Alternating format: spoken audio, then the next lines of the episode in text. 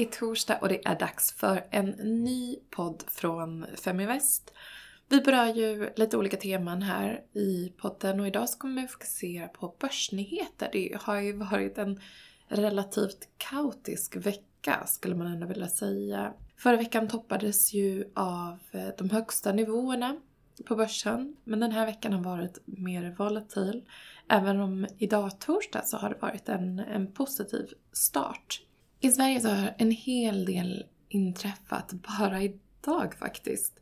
Idag på morgonen så släppte bland annat eh, Konjunktursbarometern. Och det är ett, ett index som eh, tas fram för varje månad. Och det visar att eh, hushållen har en ganska negativ syn och en pessimistisk syn på ekonomin. Och det är den svenska ekonomin som är det som man bland annat inte ser så positivt på.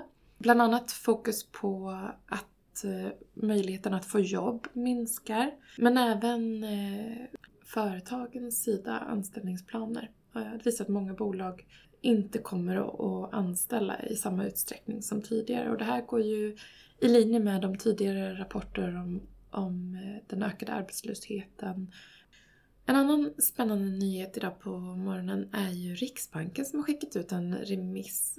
De har haft en eh, omdiskuterad räntepolitik och det är många som har frågasatt om det faktiskt finns något positivt med den här penningpolitiken på lite längre sikt när man bland annat jobbar med minusränta som många andra riksbanker världen över. Nu så ligger en, en remiss ute för att ta in synpunkter på en referensränta. Och det skulle då baseras på den allra kortaste löptiden. Så en intressant tanke som visar att man försöker att, hitta nya eh, vägar för att säkra vad man faktiskt håller på med. Ehm, ja, intressant. Den eh, svenska exporten har ju inte heller varit extremt stark och Priserna på, på den svenska exportmarknaden sjönk Eh, för augusti i jämförelse med månaden innan med nästan en procentenhet, 0,9 procent. Även importpriserna sjönk med 1,2 procent eh, jämfört med månaden där innan. Och det här är ju framförallt eh, lägre priser på råolja som har bidragit till nedgången på importen. Men om du ser på, på exportmarknaden, svensk exportmarknad, så är det priserna på, på maskiner eh, och papper samt kemikalier och kemiska produkter som har gjort att eh, den här eh, utvecklingen har varit, gått neråt sakta. Det vi kan se dock är att eh, den här prisnedgången har dämpats eh, på grund av att eh, elpriserna har gått upp något eh, men det är ingen stark export, svensk exportmarknad som vi ser och detta trots att den svenska kronan är så pass låg.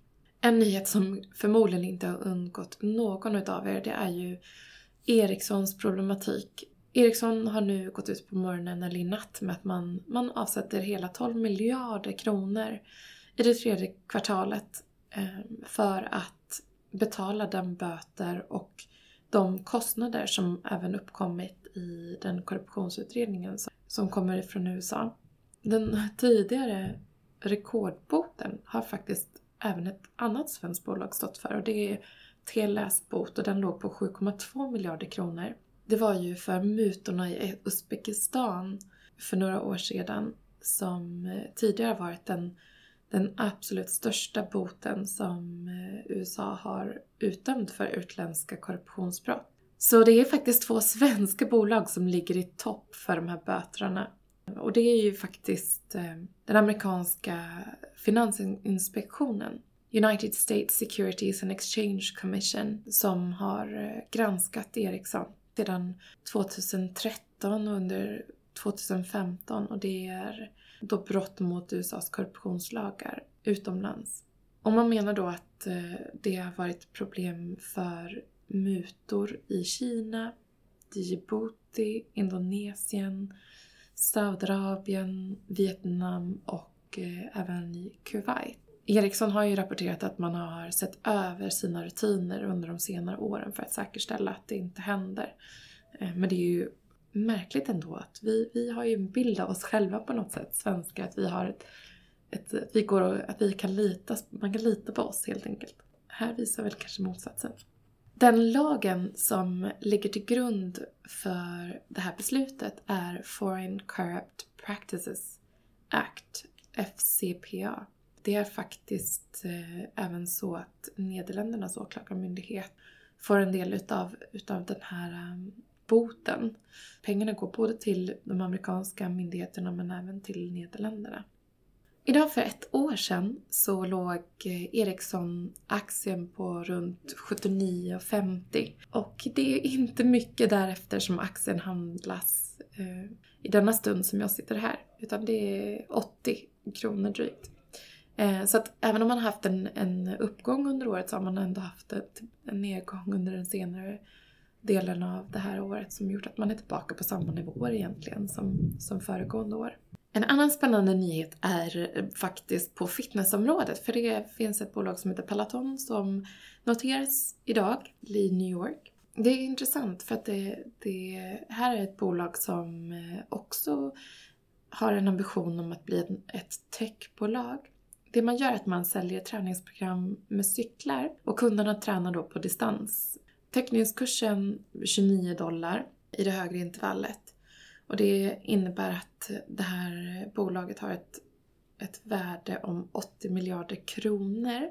Bolaget har en ambition om att ta in 11,7 miljarder kronor in, i samband med den här noteringen. Även det här bolaget går ju med förlust men har ändå fördubblat omsättningen. Ehm, det är flera bolag som vi har varit inne på som har noterats eh, med en tech-profil eh, det senare året och med det siktat på en, en lite högre värdering i och med att det har varit högre värderingar inom techbolagen. Bland annat Uber som vi har pratat om tidigare, Lyft som noterats under våren och Slack. Det är faktiskt intressant för att även eh, svenska bolag har ju noterats och där var ju Spotify som gjorde en direktnotering. Och det är faktiskt så att eh, idag på, på morgonen så har Spotify en lägre kurs än i maj 2018. Och jag tycker mig se en trend om, eh, om fallande techvärderingar. Vi har ju bland annat nyligt, för ett par avsnitt sedan, så pratade jag om WeWork som då gick ut med sin eh, noteringsambition och, och värdering med där. Som därefter, efter det avsnittet, faktiskt har skjutit på sin notering till ett senare tillfälle. Och kanske även kopplat till eh, den före detta VDn som fick avgå, Adam Newman. Han fick avgå kort därefter att många kritiserat honom för hans ledning. Han hade sålt av delar av sitt ägande och även sålt till sig själv. Flera har därmed förlorat sitt förtroende till honom som ledare. Och en av dem sägs vara Softbacks grundare, Masayoshis son. Ja, WeWork har även fått kritik, inte bara för ledarskapet, men även för stora förluster. Även eh, blivit ifrågasatta helt enkelt för om man är ett techbolag eller inte. Och det kan du ju höra mer om i, den, i det poddavsnittet som när vi redde ut lite tankar till om det är ett fastighetsbolag eller om det är ett, eh, ett techbolag. Det, det spekuleras i alla fall, jag vet att det var Financial Times som gick ut med att eh, Softbank har sagt att de kan tänka sig att gå in med ytterligare pengar i, i WeWork. De har ju förlorat en hel del pengar i och med att den senaste rundan var långt över den, den värdering som det ser ut att bli inför noteringen.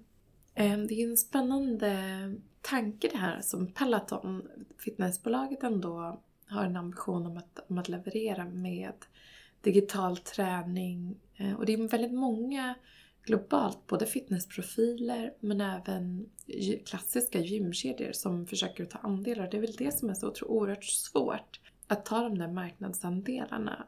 Jag har själv provat typ BBG som är den australiensiska, eh, där man tränar en typ av Tabata-liknande träning. Eh, och jag vet att även i, i Sverige så finns det ju um, Olga Rönnberg bland annat som har ett, ett träningsupplägg för mammor det finns många av den här typen av, av, av konkurrenter. Men än så länge så Peloton verkar ha, har nischat in sig på cykel. Många kunder inom just eh, spinning. De har ju ganska billig kostnad också för medlemskapet. Eh, men man måste ju köpa hem cykel. Det är väldigt många olika bolag som försöker att skapa affärsmodeller byggt på den här typen av eh, återkommande intäkter där man har ett medlemskap. Och det här har ju Peloton ändå gjort bra. Dels så kostar det ju en hel del att köpa en, en sån här typ av cykel. Och sen även att man behöver betala varje månad för att, för att vara medlem. Fitnessbolag som, som vill notera sig finns det ju även här i Norden.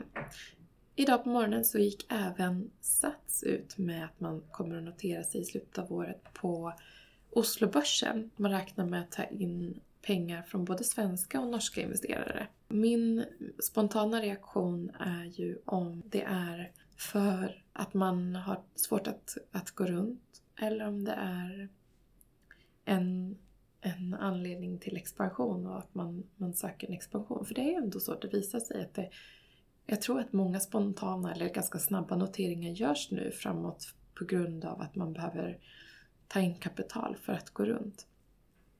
Vi har ju Thomas Cook som exempel. Jag vet att inom resebranschen så har ju de haft ett ganska dåligt rykte under flera år och man har väntat på en konkurs. Men som drabbade de svenska vingresenärerna här även den här veckan. Jag tränar själv på Sats och en av de anledningarna till att jag gör det är för att kunna använda mig av minisats. Det är tyvärr inte så många andra som erbjuder den typen av, barnpassning som gör det lättare för föräldrar med mindre barn att träna. Eh, mina barn tycker det är superkul. Eh, så det är faktiskt den enda anledningen till att jag tränar på Sats.